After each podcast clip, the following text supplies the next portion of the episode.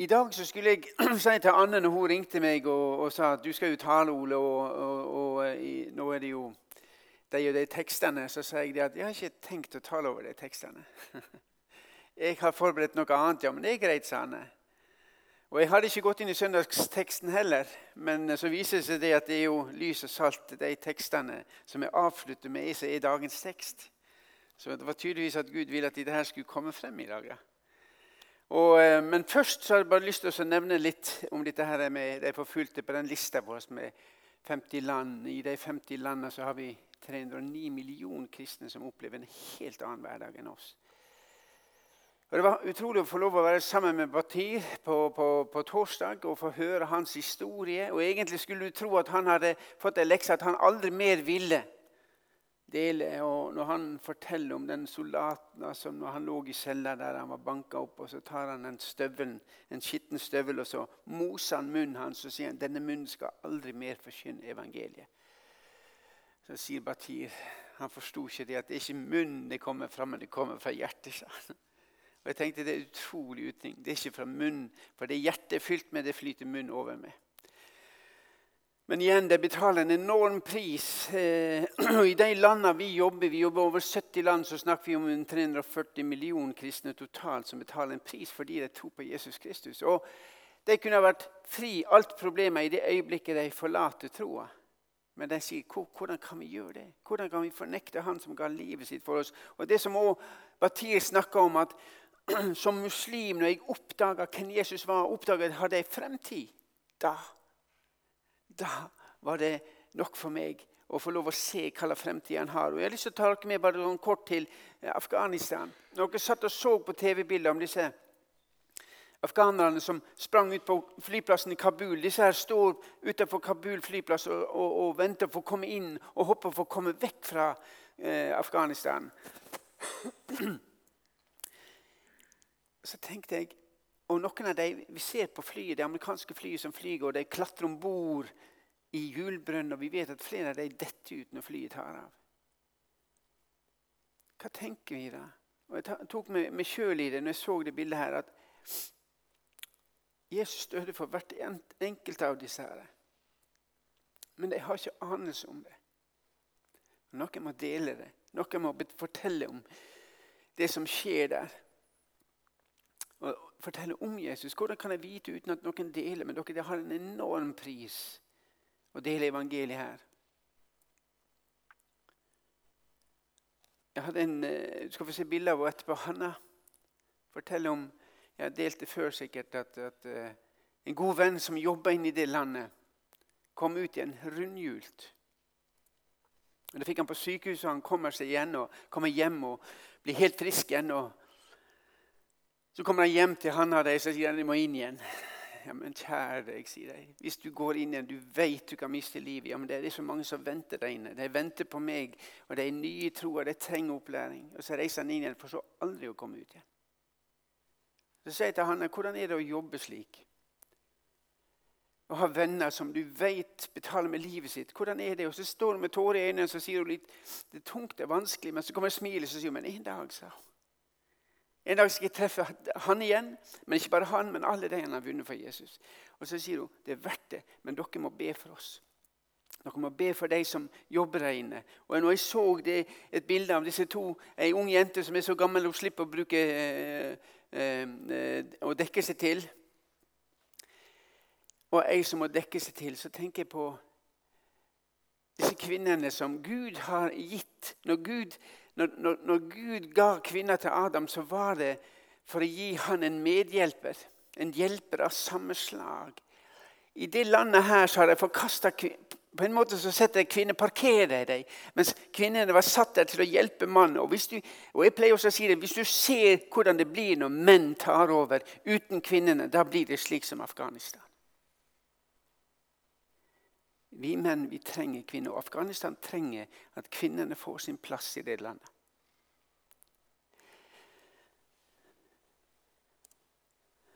Broder Samuel, som er far til Hanna, han sier at den hemmelige troen er sårbare.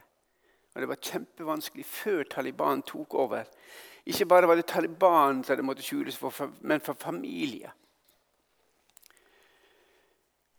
Og dere, han sier det, Her står det at forfølgelsen øker kraftig. Han snakker om at det er ti ganger verre når Taliban tar over å være kristen. Men så sier han det at vi vil følge med deg, vi vil være med deg. Vi vil være hos deg, og vi ber om at Gud må vise barmhjertighet, ikke bare til sitt folk, men også til landet som helhet.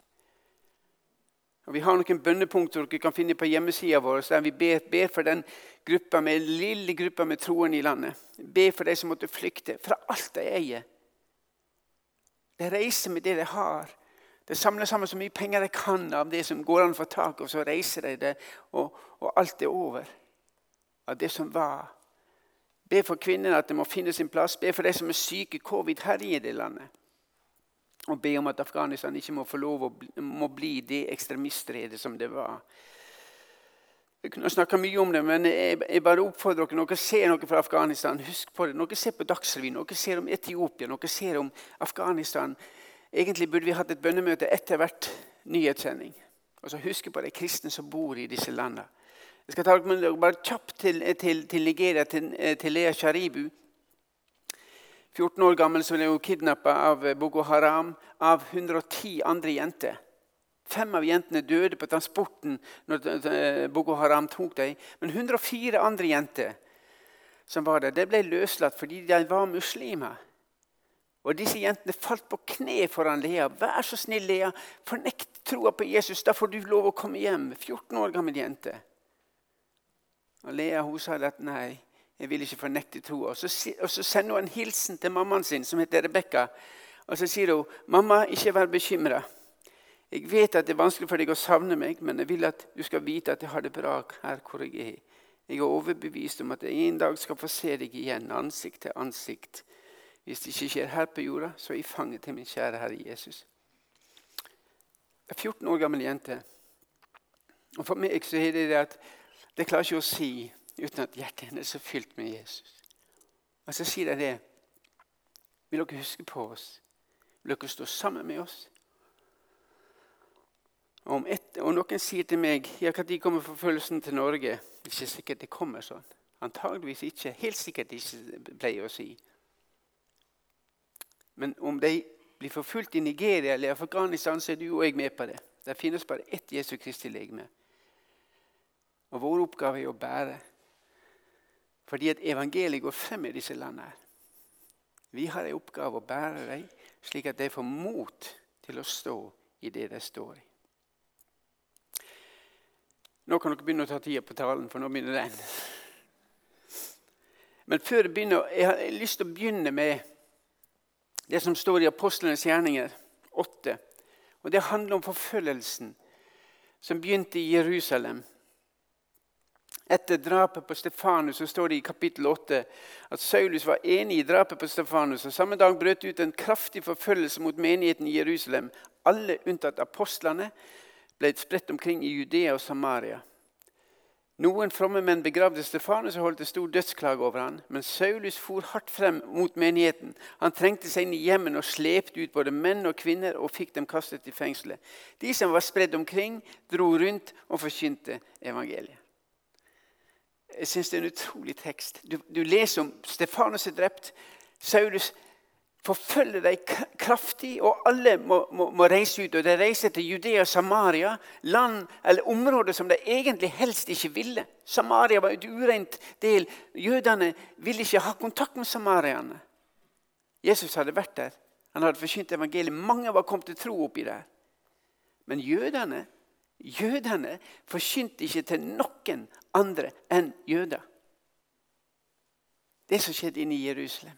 Og når de fikk tungetalen, så talte de i andre språk. Og disiplene ble nødt, nødt til å forkynne i andre språk til andre enn jødene. For Gud ville nå alle, ikke bare jødene sitt folk. Men Gud ønsker å nå alle. Og jeg synes det er fantastisk når han gir jødene, nei, apostlene andre tunge, så de måtte prate. De måtte snakke etiopisk antageligvis, og andre språk. At andre fikk høre. At det var ikke bare jødene som fikk høre. Men det fantastiske er at når de ble spredd rundt, så for de ut, og de forkynte ordet. De stoppa ikke om de ble jaga fra Jerusalem. Og dette her Jesus hadde sagt det til dem. Dere skal reise ut i Judea og Samaria og helt til jordens ende. Når Jesus sender dem ut. Dere må vente i Jerusalem til, jeg, til dere får Den hellige ånd. Og så blir dere satt i stand til å forkynne. Og Det som står her Apostlene gikk ut, de ble sendt til Judea, Samaria. Og det Batir sa på søndag Han sa det at dere snakker kanskje i den frie verden om at apostelens gjerninger slutter på kapittel 28. Men jeg lever i dag i apostelens gjerninger. Du og jeg For, har, for ordet er ikke brakt til jordens ende. Du og jeg lever i dag med det oppdraget at vi òg skal dele evangeliet til jordens ende.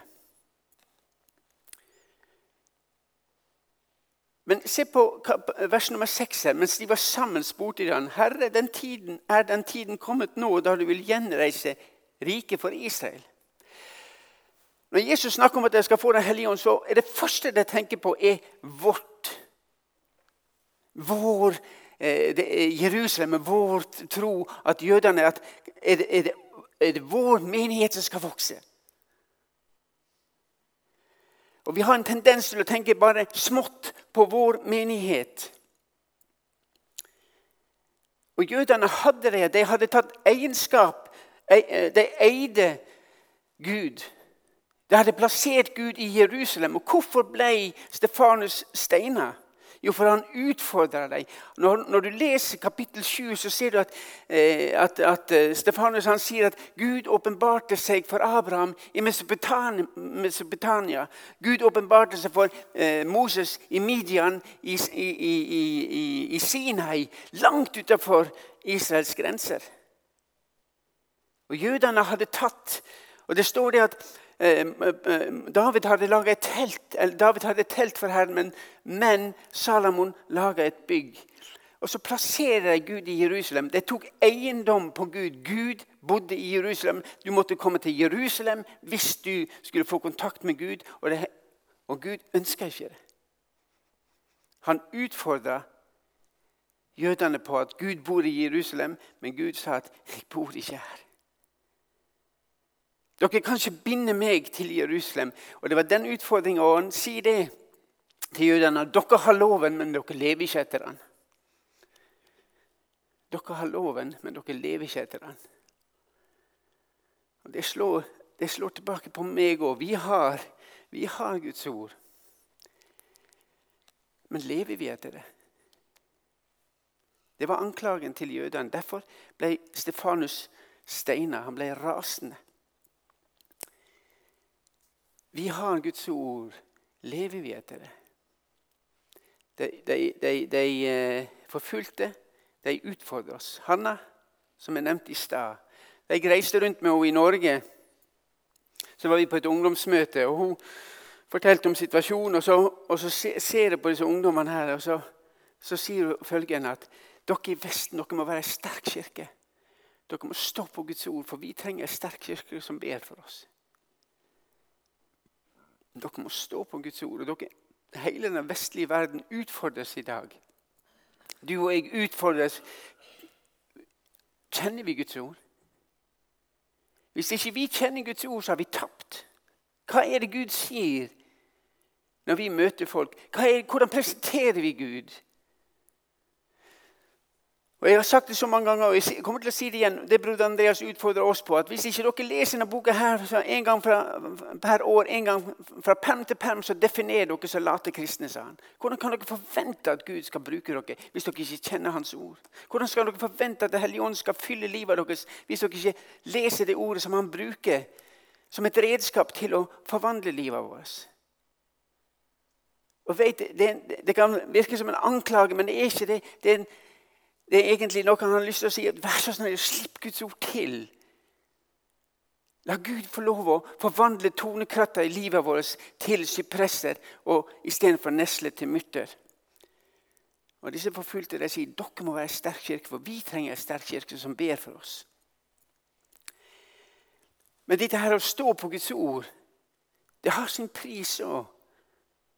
Hvis du ønsker å stå på Guds ord og ønsker å leve et gudfryktig liv i Kristus Jesus, sånn som det står i 2. Timotius 3,12, så kommer du til å møte motstand. Her står det forfølgelse, men i Norge kommer vi til å møte motstand hvis vi står på det.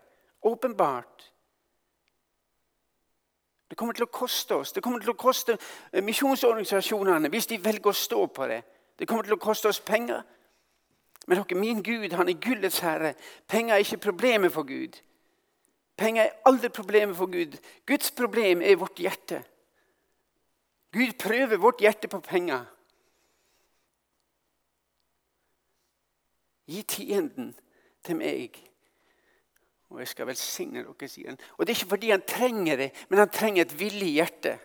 Et hjerte som ikke er bundet fast i våre eiendommer. Det er ikke galt å ha fine hus, det er ikke galt å ha en fin bil eller en flott båt. Men i det øyeblikket disse fine tingene blir viktigere enn mennesker rundt oss, da har vi et kjempeproblem.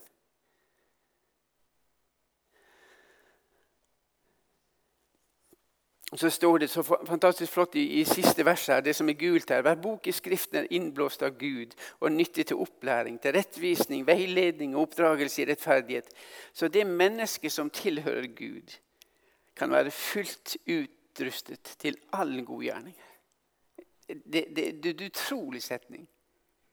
Hvis vi holder oss nær til Guds ord, la Han få fylle oss, så skal vi bli fullt utrustet til all god gjerning. Det er hans verk i vårt liv. Dette her er ikke en prestasjon, men det er en relasjon. Det er en relasjon til Jesus Kristus. Han som har kalt Gud er trofast, han som kaller oss til en fellesskap med Jesus Kristus. Og jeg vet det er flere, kjenner flere innen menigheten der det, det på blå, det må fortelle fordi at jeg har det fellesskapet med Jesus. Det er fantastisk å treffe sånne folk. Edvard og Rana fra Syria de fortalte når krigen i, i, Syria kom, så sa de at de fleste land kaller nå sine ambassadører hjem. Men Gud har ikke tenkt å trekke sine ambassadører ut av Syria. Jeg synes det var utrolig sagt. De ble værende igjen. De fortsatte. Og selv om 70% av menigheten deres forsvant, flykta, så var kirka stappfull. For da kom andre mennesker som begynte å søke Jesus Kristus. Men de valgte å bli de sa at Gud, vi vil være her. Vi vil fortsette å være et lys inn i det landet. her. Vi vil fortsette å være salt, slik at mennesker ser hvem vi tror på, slik at de får lyst til å følge det sjøl. Men det koster. Jeg husker jeg var sammen I 2017 var jeg i Libanon. Jeg traff Samir, som er øverst her, og, og lille Annie fra Aleppo. Aleppo. Hun bodde i Aleppo på den tida Aleppo ble bomba sønder og sammen. Så kom hun ut og var sammen med oss i Libanon og fortalte om arbeidet hun drev. Og Samir de to var en dag sammen med oss, og dagen etterpå så reiste de tilbake. Og Egentlig menneskelig sett så sier vi dere er gale. Men vi sa ikke det til deg. Vi sa bare til deg dere er heltene våre. Dere er heltene våre. Så kom Samir frem og så sier de med tårer i øynene Dere kaller oss helter, men når Gud kaller meg inn i et område der IS er, så er jeg livredd. Men jeg velger å gå, og når jeg kommer dit Gud har kalt meg, så går frykten over. Og jeg tror, Når jeg hører det, så tenker jeg når Gud kaller oss til noe, så blir vi redd. Men hvis vi velger å gå, så vil den frykten gå over. Og så står det og Den hellige ånd skal gi oss de ordene vi trenger. Jesus sier dere skal slippe å si sjøl om dere blir brakt frem for konge eller hva. Dere skal få ordene som dere trenger hvis dere velger å gå dit jeg kaller dere. Somalia. Omar han ble drept 69 år gammel i Somalia. Hvorfor det? Jo, for han frakta bibler. Bussen ble stoppa. Alle ble kalt ut. Vesken ble ransaket. Så fant jeg ei veske med, med, med, med bibler i. Hvem eier den veska? Ingen sa noen ting. Heller ikke Omar. Han visste. Det begynner å rote gjennom veska, Det finner bilder bl.a. om Omar. Det går rett bort til Omar, skyter han rett ned. Fordi det, sånn vil vi ikke ha i vårt land. En annen somalisk konvertitt sa til en en teltmaker som ble, måtte reise hjem. Og når han skulle reise, så kom den somalieren til han, og så sier han jeg er villig til å dø for Jesus. Jeg blir. Og Så ser han på han, så peker han på han, så sier han Er du villig til å leve for Jesus? Det er en utfordring til deg og meg i dag. Er vi villige til å leve for Jesus der vi bor? Dere, Hvis vi skal leve for Jesus, da må vi ha et fellesskap med han. Da må vi, da må vi være nær han. Da må vi leve i ordet. Er dere villige til å være lys og salt der dere bor? Og Det er en kjempeutfordring. Jeg må bare ærlig talt innrømme det. Det er kjempetøft å gå til naboen sin med, med, med, med et vitnesbyrd. Jeg har to naboer ved siden av meg. og jeg, jeg ber Gud vil du gi meg en mulighet til å dele evangeliet med deg. Men det er kjempetøft å skulle gå og ringe på til naboen og spørre hvordan skal du gjøre det. Jeg tror som Samir sier, at Ole, du må bare ta motet til å gå. For det når du står der, og når du er sammen med deg, så vil du få visdom til hvordan du skal gjøre det. Og Det handler ikke først og fremst om å vitne noe, men det handler om å vinne deres tillit. At du bryr deg om dem. Men det å være lys og salt Jeg har valgt disse to bildene her. Og jeg har lyst til å bare gå Det blir ikke en sånn veldig gjennomgang på dette, men Matteus 5 Dere har lest salighetsprisningene. Når dere leser det hjemme, det, det, kan vi dele opp i tre avsnitt. Jeg skal ikke lese det for dere, men det, det første avsnittet, som går fra vers 1 til 9, det handler om hva troa vil virke inn i vårt liv. Salig er dere når og Det neste gule punktet her er hva verden vil gjøre med livet, livet vårt. Vi vil bli forfulgt. Salig den som blir forfulgt for rettferdighets skyld. For himmelriket er i dere. Når vi lever et liv nært Gud, så vil verden reagere. Og Det tredje punktet, det avsluttende punktet på det her, er hva kristne liv vil gjøre med verden. Dere er lys, dere er salt.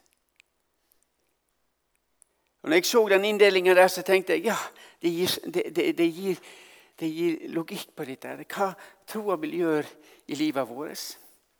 Hva verden vil gjøre med oss som tror. Og hva vi tror som tror, vil gjøre med verden. Vi vil forvandle verden. Jesus sier at dere er jordens salt. Men hvis saltet mister sin kraft, hvordan skal det da bli salt igjen? Det duger ikke lenger til noe, men kastes ut og tråkkes ned av mennesket. Dere er verdens lys. En by som ligger på et fjell, kan ikke skjules. Dere er verdens lys.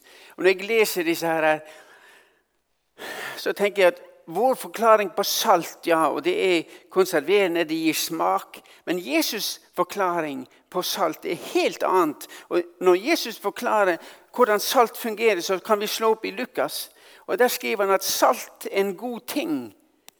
Men hvis også saltet mister sin kraft, hvordan skal det da bli salt igjen? Det kan ikke brukes verken i jord eller gjødsel. Det kan bare brukes til å kastes. Og når jeg leste så tenkte jeg, Hva betyr det salt brukes i jord eller gjødsel? Det er den eneste forklaringa Jesus gir på salt. Vi legger mye annet. Det, det hindrer forråtnelse, det, hindrer, det gir god smak, pluss, pluss. Men Jesus gir disse to forklaringene. Det saltet som de hadde på den tida, det kom fra Rødehavet. Og Mye av det ble skrapa opp, og mye av det inneholdt mye fosfat og mye, mye mineraler. Og Det som står her, er at det kan ikke brukes i jord. Hvis du hadde, på den tida, hvis du hadde jord som var ufruktbar, samme hva du sådde i det, så, så, var det ingenting som grodde der. Da tok du saltet fra Rødehavet og du blanda det med jorda, og du rota opp. Og dermed så begynte den jorda å bære frukt. Det var saltet sin funksjon. Ufruktbar jord gjorde at det begynte å vokse opp ting. Det begynte å, å bære frukt. Og gjødsel hvordan brukte de det? Jo, for de hadde jo ikke toalett på den tida. De hadde et hull i bakken så de grov. Og når de hadde, da hadde gjort sitt, så tok de litt jord og kasta over det, og så heiv de salt oppå det. Fordi salt desinfiserte, som gjorde at sykdom ikke spredde seg. Det var funksjonen saltet hadde på Det er den forklaringa Jesus gir. Først at, at ufruktbar jord skal begynne å bære frukt, og at sykdom ikke skal spre seg. Det er din og min funksjon i denne verden. Der du ser ufruktbare ting som ikke vokser opp, der kan vi som troende komme inn og få lov å være med å skape nye ting gjennom troa på Jesus Kristus og gjennom Den hellige ånd. Og vi får lov å se nye ting vokse opp. Hvis du ser på misjon, hva misjon har brakt inn i Afrika Mange snakker om misjon. Det har vært negativt, det har vært nedtrykkende. Det er ikke sant. Når misjon kommer inn Det var misjon som begynte å starte kristne skoler, som begynte universitet. Når du ser på hva kristen tro har gjort i Europa det er De store universitetene er alltid begynt av kristne. Og det som har vokst opp, Når, når, når kristendommen får lov å vokse opp på en rett måte, så preger det et helt samfunn, og det begynner å utvikle seg. Kineserne sa på 80-tallet så var det noen amerikanere som hadde vært inne i Kina, amerikanske pastorer. De kom på et universitet og fikk, en, fikk et foredrag. Det var en som sa det at jeg, jeg var plukka ut av, av eh, myndighetene her for å finne ut hvorfor var Vesten mer vellykka enn en, en, Kina. Og de sa at vi leter overalt. Men vi fant svaret til slutt. Og husk på at kommunistene Og dette var på 80-tallet, på den tida da EU bestemte seg at vi skal få en ny EU-lov der kristendom ikke skal være med. Kineserne sa grunnen til at dere har vært så vellykka, er fordi at den kristne tro har vært med å prege hele samfunnet. Derfor har dere lyktes så godt. Og når jeg las dette, når ufruktbar jord, når den fikk salt i seg så begynte den å bære frukt. Når troa får lov å prege mennesket Se på Hans Nilsen Hauge, hva han gjorde. Han betalte en enorm pris, men det som skjedde der Av ufruktbar jord så begynte det å vokse. Han var salt, men han betalte en enorm pris. Og det at dere er verdens lys jeg har lyst til å si at Det handler ikke om prestasjon. Det er Noen ganger vi tenker vi må være lys. vi må være lys. Det handler ikke om prestasjon, det handler bare om relasjon. Fordi at Jesus er verdens lys. Hvis ikke vi hatt fellesskap med Jesus Kristus, så er ikke vi lys. For det er han som er lyset i oss. Og Vi snakker igjen om dette her med å være nær til Jesus. Og så står det at Jesus sier at salt er også en god ting, men hvis det mister sin kraft, hvordan skal det da bli salt igjen? Hvis du ser på den, den, eh, den uh, Natriumklorid heter det. Natriumklorid er formelen på salt. Og Det var en som gikk og spurte en, en, en, en kjemiker som kan saltet miste sin kraft. Salt i seg sjøl. Så sier han nei, salt i seg sjøl kan ikke miste kraft. Det mister ikke kraft. Men hvordan kan det da bli svakere, sånn som Jesus snakker om? At hvordan kan saltet miste sin kraft? Og Det som skjedde, var det, det, det at de som solgte salt for å tjene mer penger, så blanda de det ut. Og når det ble blanda ut, så mista saltet sin kraft. Fordi det var ikke bare salt.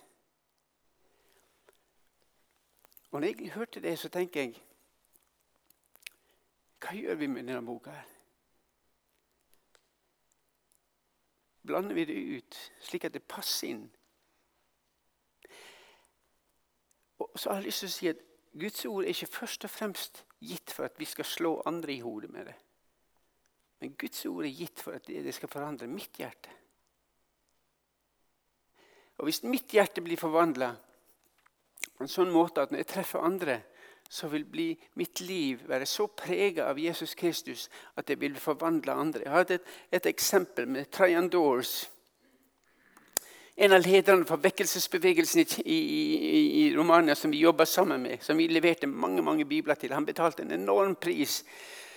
Og Han sier at den eneste metoden for å bekjempe sine fiender er å elske dem til de blir hans venner.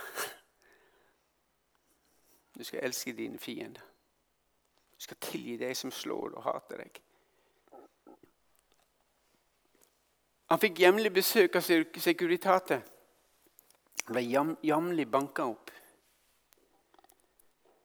Det han sa til den politioffiseren som kom og leda dette her hver gang, det var følgende Politibetjent, jeg elsker deg. Og jeg vil at du skal vite at Hvis vårt neste møte blir foran Guds trone, så vil du ikke havne i helvete fordi jeg hater deg, men fordi du forkasta kjærligheten. Det var det han sa hver eneste gang. Da sa han det med blodig ansikt. Jeg elsker deg. Og For å gjøre lang historie kort, en dag så banker det på døra hjemme hos Trajan. Utenfor står politioffiseren. Og Trajan Dawes tror at det er en ny runde, men denne gangen er han alene.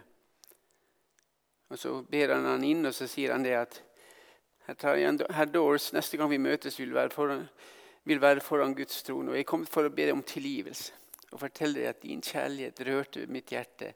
Jeg har bedt Jesus om å frelse meg.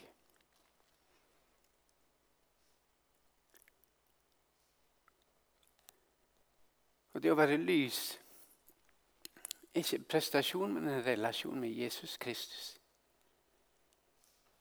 Og Så sier offiseren at jeg for to dager siden har fått vite at jeg kommer bare til å leve noen uker.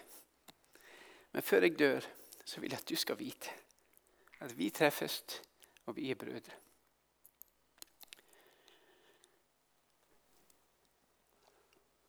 Og dette med å være lys et lys som, eller en by som ligger på et fjell, kan ikke skjules. Og igjen så sier jeg, Hvis jeg spør ja, er, er mitt liv slik at, det, at, at, alle ser det Og så er det så lett å gå inn i ja, da må jeg ta meg sammen, da må jeg oppføre meg som en kristen. Det handler ikke, det handler ikke om det. Det handler om at Jesus er verdens lys. Og Den som følger meg, skal ikke vandre i mørket, men ha livets lys. Fra meg og vet at Når du ser det bildet her, Vi er så vant når vi tenker på lys. Når vi kjører biler, vi vil ha Xenon-lys og lyser 200 meter. og vi Av og til så setter vi inn en xenonbar, en sånn bjelke foran som lyser som ja, Når du møter en sånn bil, så er du helt blenda, for det er så mye lys. Og Vi ønsker å se så langt som mulig. Vi ønsker å planlegge måneder og år fremover. Men hvis du ser på det bildet her og se på ditt, lys, ditt ord er lykt for min fot og lys på min sti. Hva slags lys tror du som passer inn? Er det det som går langt frem, eller ei lita oljelampe som de hadde på Jesus' i tid? Ei oljelampe som var slik at når du gikk med den, så tok du ett steg, så så du nok til å se neste steg. Og Det er det det handler om med Jesus. Det går steg for steg, dag for dag. Hver ikke, ikke bry deg om morgendagen, sier Jesus. Hver dag har nok med sin egen plage, men i dag har du et fellesskap med meg. i dag.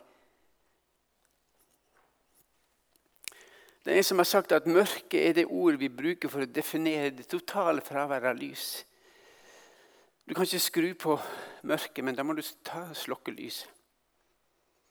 Mørket er et resultat når lyset er borte.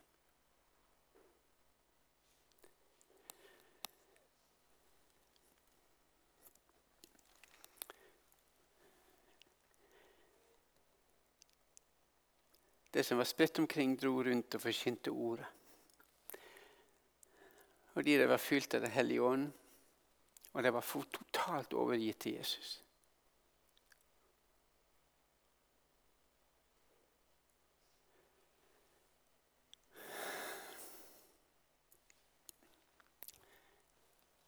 Kanskje dette er en beskrivelse av vår tid.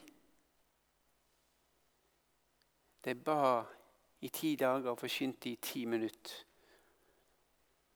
3000 kom til tro. I dag så ber vi i ti minutter og forkynner i da, ti dager. Nå blir det ekstatisk om noen kommer til tro. Jeg, jeg, jeg, har ikke vært så mye på bønnemøter, men jeg tror at disse bønnemøtene på onsdag det er det vanskeligste møtet å gå på. Fordi vår fiende, han ler av de kristne sine ord, men han skjelver når de kristne går på kne. Og Derfor tror jeg at hvis vi skal få en forvandling i vårt liv, så må du og jeg gå på kne. Ikke først og fremst å få forvandla mennesker rundt oss, men at du og jeg må bli forvandla hver dag. Batir sa det når han sto her. Jeg fyller, Jesus, jeg fyller hjertet mitt med Jesus hver dag, sa han. Jeg fyller mer og mer, men vi må gjøre det hver dag. Det er ikke en engangsforeteelse.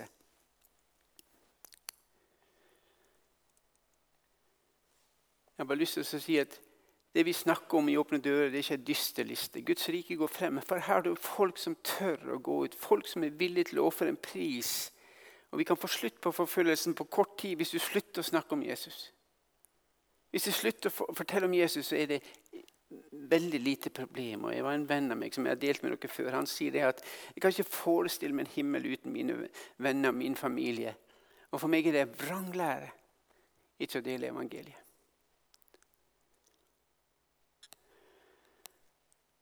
Herre Jesus, jeg ber for min egen del, gir du meg sånn ånd enda mer. Fyll du meg med din Hellige Ånd. Jeg vil du hjelpe oss, far, til å være stille, sånn som disiplene fikk beskjed om. Bli igjen i Jerusalem og vent til dere blir fylt med Den hellige ånd. Så kan dere gå ut.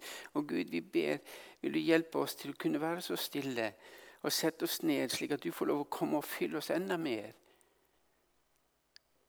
Og La det få lov å bli sannhet i vårt liv som Barabbas sa i Egypt at jeg kan ikke forestille meg en himmel uten mine venner, uten mine naboer. Gud, vi trenger deg så uendelig mye.